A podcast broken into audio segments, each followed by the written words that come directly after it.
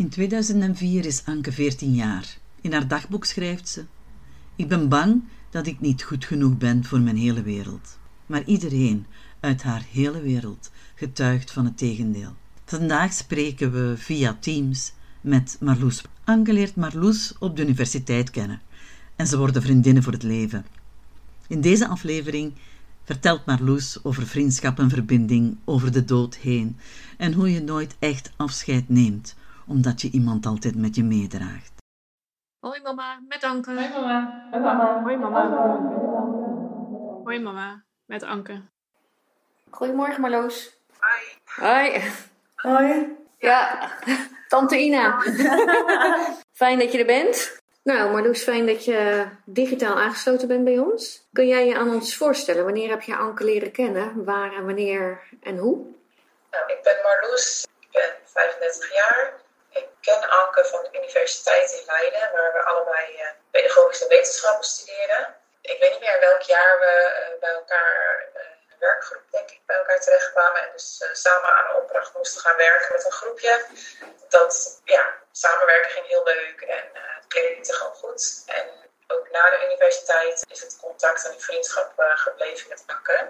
Dus dat is eigenlijk ja, mijn connectiepunt geweest met haar waarop ik haar leren kennen. Wat, uh, wat betekende Anke in die, in die werkgroep en in die vriendschap voor jou? Nou, in die werkgroep, ja, ze was altijd. Ik vond het denk ik heel fijn om met haar samen te werken, omdat ze net als ik gewoon best wel uh, perfectionistisch was, misschien in hoe ze de dingen wilde hebben. en de dingen ook heel serieus nam. Dus dat vond ik heel fijn. Ik wist ook dat als ik het dan als Anke iets moest doen, dat ze het ook deed en dat ze het ook goed deed. dat was altijd gewoon wat haar wel kenmerkte, zeg maar. Dat ze dingen gewoon ook goed wilde doen. Ik denk ook haar humor, dat het ook toen al tijdens de studie gewoon ook uh, ja, echt, echt onze vriendschap ook wel heeft laten ontstaan. Weet je, dat het, dat het een soort bindende factor was tussen ons, dat we ook qua humor gewoon op één lijn zitten. Uh, dat we elkaar daar een beetje aanvoelen, zeg maar. Ja, je hebt dat in, haar, in de afzettingswoorden die je voor Anke had ook gebruikt. Hè? Van Anke gebruikt haar humor om een situatie in een ander perspectief te zetten. Heb je daar voorbeelden van, van hoe dat werkte voor jullie? Nou, ik denk dat dat voornamelijk was op momenten dat ik bijvoorbeeld het uh, even lastig had en het dan, weet je, we belden best wel veel. Zeker op het laatste was het vaker bellen dan elkaar zien. Maar dan vertelde ik iets waar ik mee worstelde bijvoorbeeld en dan kon ze een hele nuchtere, droge opmerking overheen gooien. En dan dacht ik, oh ja, ja, je hebt gewoon gelijk. Dat is inderdaad, weet je, dan, dan kon ik opeens anders kijken naar, naar iets. Het hielp mij heel vaak wel om even te relativeren. Ja doordat zij gewoon dan haar nuchtere kijk erop had. En uh, mij gewoon even met twee voeten weer op de grond kon zetten. En dat, ja, dat had ik af en toe wel nodig. Ja. en dat, dat uh, vond ik heel fijn dat zij dat gewoon ook deed. Dat ze niet zei wat ik wilde horen, maar dat ze gewoon zei, gewoon uh, eerder durfde te zeggen. En dat is voor mij ook wel echt vriendschap, dat je echt eerlijk durft te zijn naar elkaar. En dat je dat ook kan ontvangen van elkaar, zeg maar, die eerlijkheid. Nou ja, ook als het soms zeg maar niet leuk is wat de ander zegt, dat je er toch wel iets mee kan. Ja, daar schiet ik dan toch even van vol. Ik kan het voor jou zien, maar jij niet voor mij. Maar, maar, maar dat doe ik dan ook. Ja. Voor mij zijn het ook wel de dingen waar ik er het hardst in mis, weet je. Gewoon die kleine dingen, die maffe dingen die ze dan kon zeggen, maar ook gewoon heel eerlijk en ook naar mij toe. Ja ja, ik denk dat ze dat bij iedereen zo deed. Weet je, ze was gewoon goud eerlijk.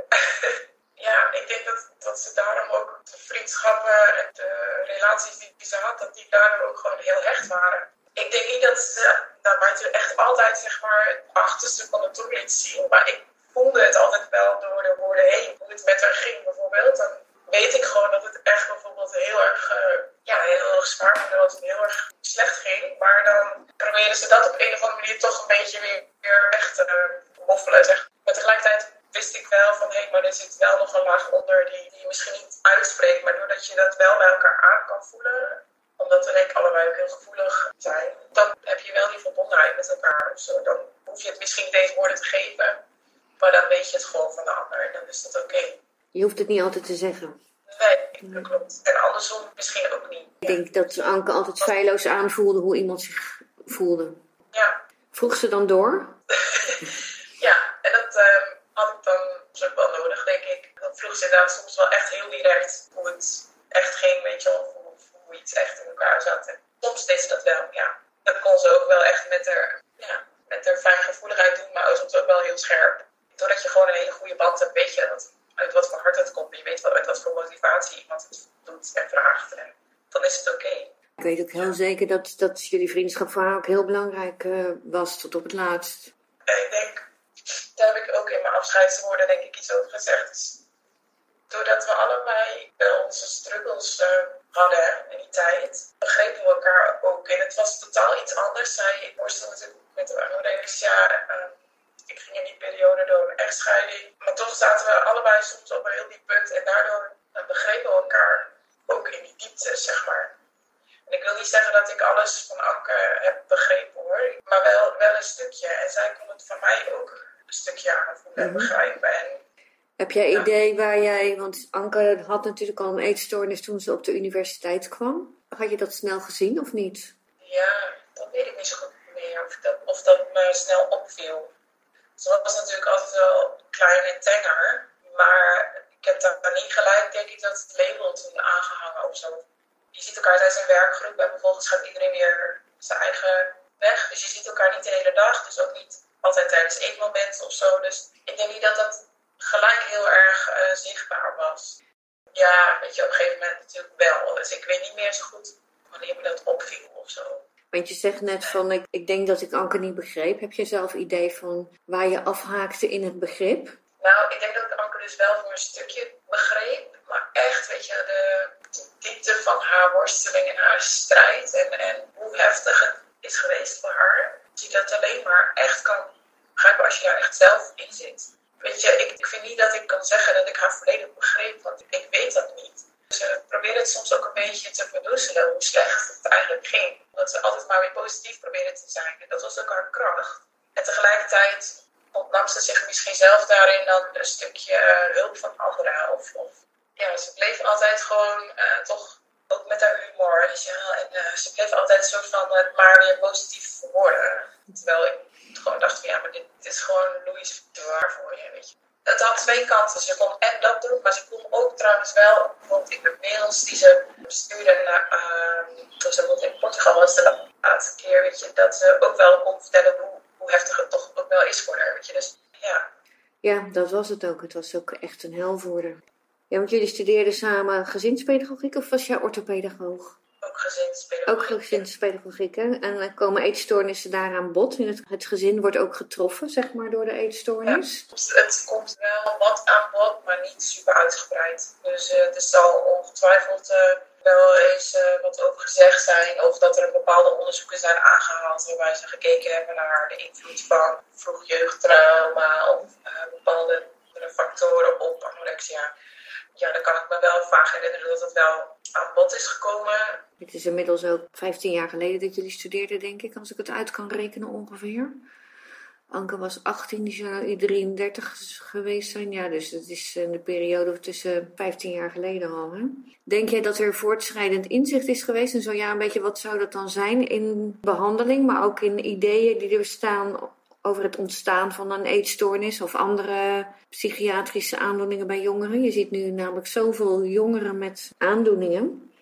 Dus eigenlijk is de concrete vraag: heb jij idee dat er andere, dat er andere inzichten zijn? Of zijn ontstaan? Of dat jij zelf ideeën hebt van hoe komt het dan dat de wereld er zo anders uitziet voor heel veel jongeren? Je bedoelt nu in vergelijking tot 15 jaar geleden? Ja, ja.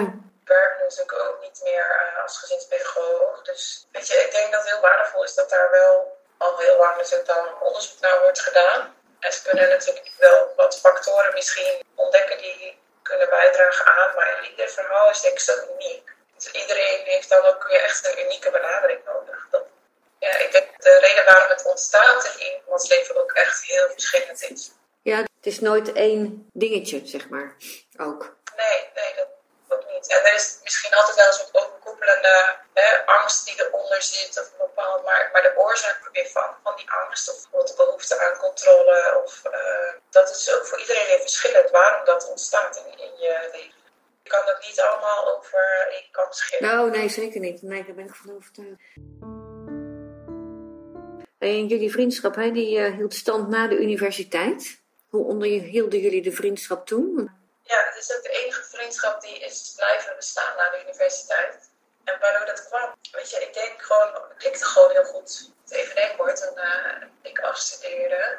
Ja, ik woonde in Leiden en volgens mij woonde Anke toen ook nog in Leiden. Dat denk ik wel, ja, want die is de laatste jaren van de studie in Leiden gaan wonen. Volgens mij pas toen ze afgestudeerd was naar Scheveningen verhuisd. Ja, dus toen was het weet je, gewoon makkelijk om toch even bij elkaar langs te gaan. Op een gegeven moment denk ik gewoon, als er, als er eenmaal een basis voor een vriendschap is ontstaan, dan blijft dat als je gewoon allebei erin wil investeren. Gewoon allebei elkaar op blijft zoeken. Het is gewoon gebeurd. Wanneer, nou, ik weet niet waarom met Anke wel en met anderen niet, maar gewoon klikte gewoon. En ik denk net ook zei, we voelden elkaar gewoon heel goed aan. En daarin konden we elkaar goed vinden. Ja, dat is ook echt gebleven. Dat heb ik gezien ook.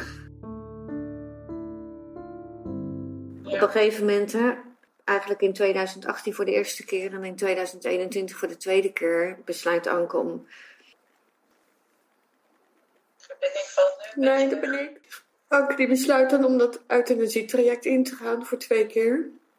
Hoe is dat dan voor jou als vriendin? Hoe sta je daar dan bij? Hoe sta je daarnaast? Ja, ik moet zeggen, ik, ik heb heel lang met haar meegehoopt dat er iets zou zijn wat zou helpen, weet je. Ze heeft zoveel dingen geprobeerd. En zoveel behandelingen, zoveel echt... Alles wat er zeg maar maar is om uh, te proberen, heeft ze volgens mij geprobeerd. En ik heb heel lang gehoopt dat euthanasie niet nodig zou zijn. Weet je, dat er iets zou zijn waardoor ze weer op zou krabbelen. En toen ze mij belde, zeg maar, om te vertellen dat ze, dat ze toch had besloten om het traject in te gaan. Ja, dat is heel dubbel voor mij. Weet je, ik uh, aan de ene kant pad dan even de, de grond onder je voet vandaan, zeg maar. Want je weet van, hé, dat, dat betekent dat ze er straks niet meer is. En tegelijkertijd begreep ik haar keuze ook ja, het is gewoon ontzettend moeilijk. En het is ook een ontzettend moeilijke keuze ook geweest voor haar. Ik heb op een gegeven moment wel tegen haar gezegd van, weet je, wat, wat je ook besluit, weet je, ik, ik heb daar begrip voor en ik, ik wil gewoon je steunen waar ik kan.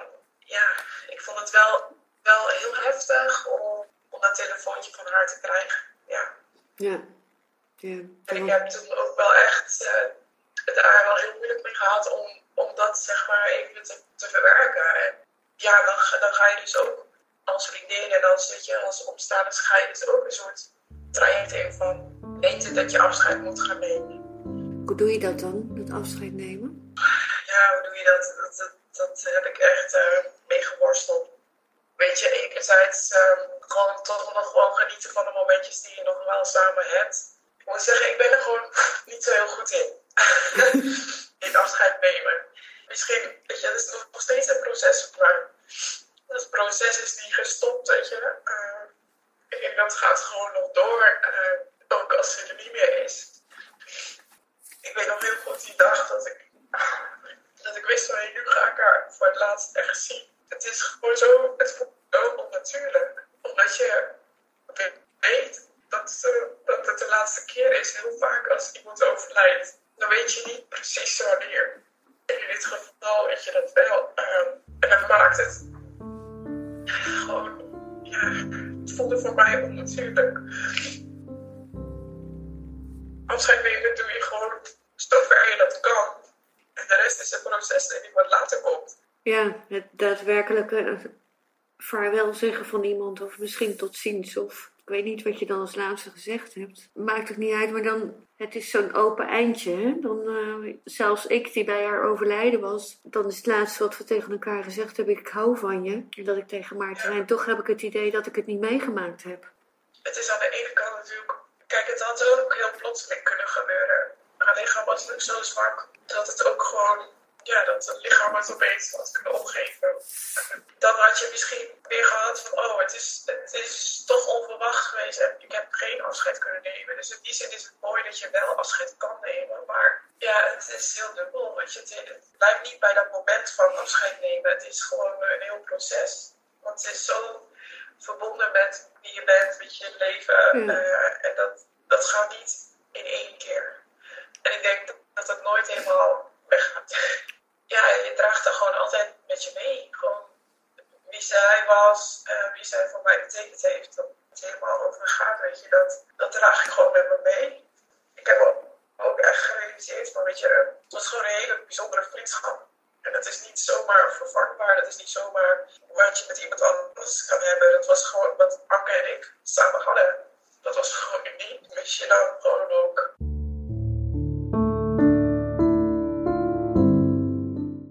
Anke op 8 augustus vertelde van ik weet het heel zeker. Toen heb jij daarna nog een hele mooie fotoshoot gedaan. Ja. Die was ook heel bijzonder. Ja.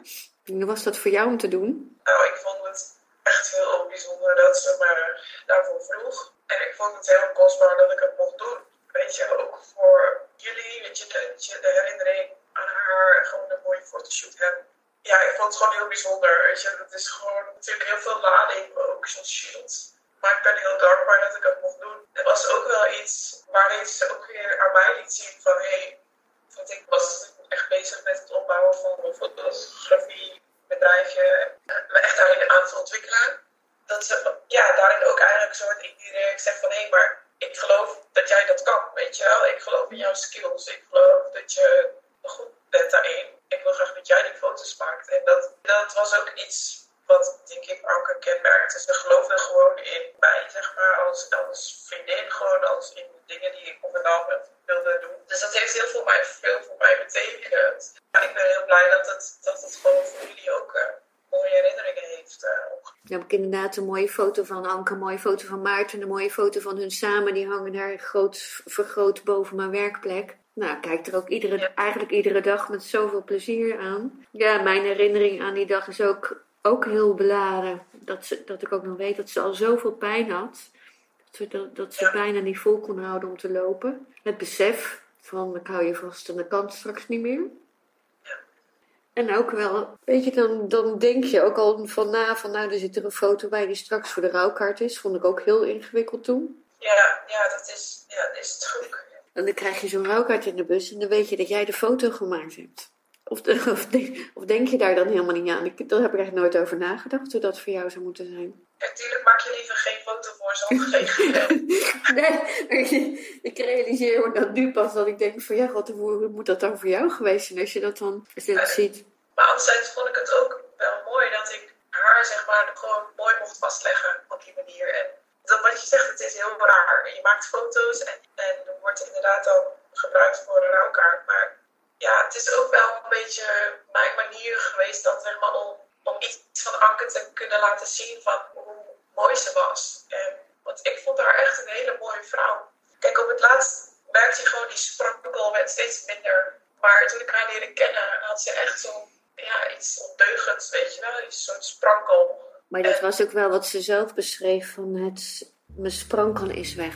Ik voel geen levenskriebel, noemde ze het zelf volgens mij altijd. Van, hij is aan het verdwijnen. Want nou ja, ja. Anke heeft echt tot, tot het laatst gezegd van, dat ze ook niet dood wilde, maar ze kon gewoon niet leven. Want ze miste, ze zegt, de levenssprankel is weg. Ja, dat zag je ook. Dat zag je gewoon steeds minder worden. Ja, ik denk dat dat ook wel heel erg met de fysieke toestand te maken had. Zeker de laatste, de laatste maanden. Ja, toen we in augustus die fotoshoot deden, was het natuurlijk voor een week of drie, vier voordat ze dat been brak. Ja. Maar toen had ze al heel veel pijn. Want ik weet dat we er nog bijna opgetild hebben, omdat ze bijna dat rondje niet kon lopen. En het was eigenlijk in afstand, was het ook niet zo heel veel in mijn, in mijn beleving. Maar voor mij is het een hele mooie herinnering, Marloes, waar ik echt met heel veel plezier naar kijk. Nou, dat vind ik heel fijn. Ja, dat, dat, dat was het uh, doel. dat was het doel, ja. Ik krijg nog even een influisterde vraag hier. wat, wat heeft Anke voor jou veranderd in jouw leven? Wat heeft ze toegevoegd voor jou in het leven? Nou, ik denk besef van de waarde van echte vriendschap. Gewoon echt het onvoorwaardelijke. Dat, dat, uh, dat is gewoon wat me te binnen schiet als ik aan Anke denk. Gewoon het jezelf kunnen zijn bij elkaar. En ook het genieten van de dingen die, die er echt toe doen in het leven. Weet je, op een gegeven moment kon ze natuurlijk niet meer werken. Ze kon niet meer, je, zoveel dingen kon ze niet meer. Maar dan gewoon wel nog steeds er zijn voor een ander. Dat uh, heeft me gewoon echt iedere keer verbaasd. Dat ze gewoon iedere keer weer toch er voor mij ook was. En ik denk dat sommige mensen zich niet realiseren dat als ze bijvoorbeeld heel ziek zijn of ja, gewoon echt zelf door een heel diep dal gaan, dat ze nog steeds heel veel kunnen betekenen voor een ander. Dat is denk ik wat Anker mij ook echt heeft laten zien. En tegelijkertijd, nu ze er niet meer is, voel ik gewoon een soort van, ja, bijna een noodzaak of een beetje zo echt zo'n aansporing om echt gewoon uit het leven te halen wat erin zit. Want het is niet vanzelfsprekend. En, uh, ik denk, Anke's verhaal had, had ook iemand anders verhaal kunnen zijn. Ja, dat is mooi om te horen. Dat, je, dat ze jou voorgeleefd heeft om alles uit het leven te halen wat erin zit. Ik denk ook dat het zo belangrijk is. Jezelf plezier gunnen en jezelf kunnen zijn. En, uh, heb jij zelf nog dingen die je graag kwijt zou willen? Ja, ik heb wel één ding wat ik merkte aan Anke soms. Was dat ze het heel moeilijk vond om hulp te ontvangen. En dat ook niet snel vroeg voor zichzelf. En daar ook gewoon echt heel hard kon zijn voor zichzelf. Maar dat ik eigenlijk gewoon probeer mee te geven, ook aan mensen die het misschien luisteren, van uh, geloof dat je het waard bent om geholpen te worden. Dat je het gewoon waard bent om van gehouden te worden. Je, dat, dat is geen makkelijke, is niet zomaar een opdracht. Of dat is je, niet iets wat je opeens misschien van een of andere kan doen. Maar ik had gewild dat Anker dat iets meer had gekund voor zichzelf. Dat dat haar leven misschien iets, iets makkelijker maken. Marloes, dankjewel. Ik denk dat we geen mooiere afsluiting kunnen hebben. Wij zetten nu de podcast stop. En ik, uh, ik ga nog even via WhatsApp met je praten. Goed? Ja. Hoi mama, met Anke. Hoi mama. Hoi mama. Hoi mama, met Anke. Met Anke. Hoi mama, met Anke. Dankjewel voor het luisteren. En meer info over Marloes vind je op marloesdenbravenfotografie.nl. Je vindt de link ook op onze website www.ankepodcast.nl. In onze volgende aflevering maak je kennis met Geertine.